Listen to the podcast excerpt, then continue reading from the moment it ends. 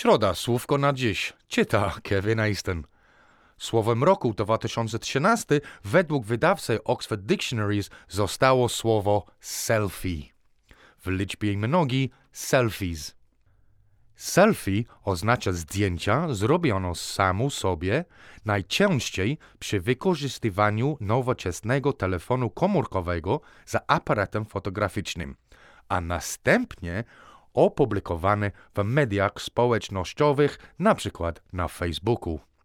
W języku polskim pojawia się czasem odpowiednik selfie, czyli sweet focia. Rihanna, Justin Bieber, Lady Gaga, and Madonna are all serial uploaders of selfies. There are posed selfies with Bambi eyes and pouting lips, and there are group selfies, even dodging, czyli unikając, a stranger's kind offer to take the same photo. Selfies with typical elements associated with MySpace pics a young woman in a poorly lit bathroom and a young man with a naked torso. Oxford Dictionaries regularnie publikuje słowo roku, czyli wyraz, który danego anno domini przyciągnął największą uwagę mediów. W ostatnim roku odnotowano wzrost użycia selfie aż o 17 tysięcy procent. Słówko selfie użyto po raz pierwszy w 2002 roku na australijskim forum internetowym, a rok później stało się niezmiernie popularne w całym świecie anglojęzycznym.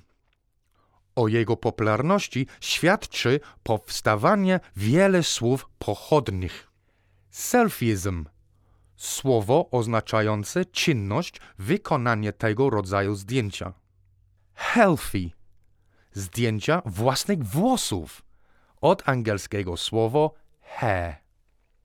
Drelfi zdjęcie zrobione samemu sobie w stanie po spożyciu alkoholu od angielskiego drunk.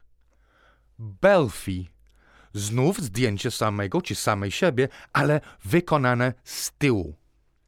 Cheryl Cole just had a tattoo, so what better way to show it off than jumping on the Belfie bandwagon?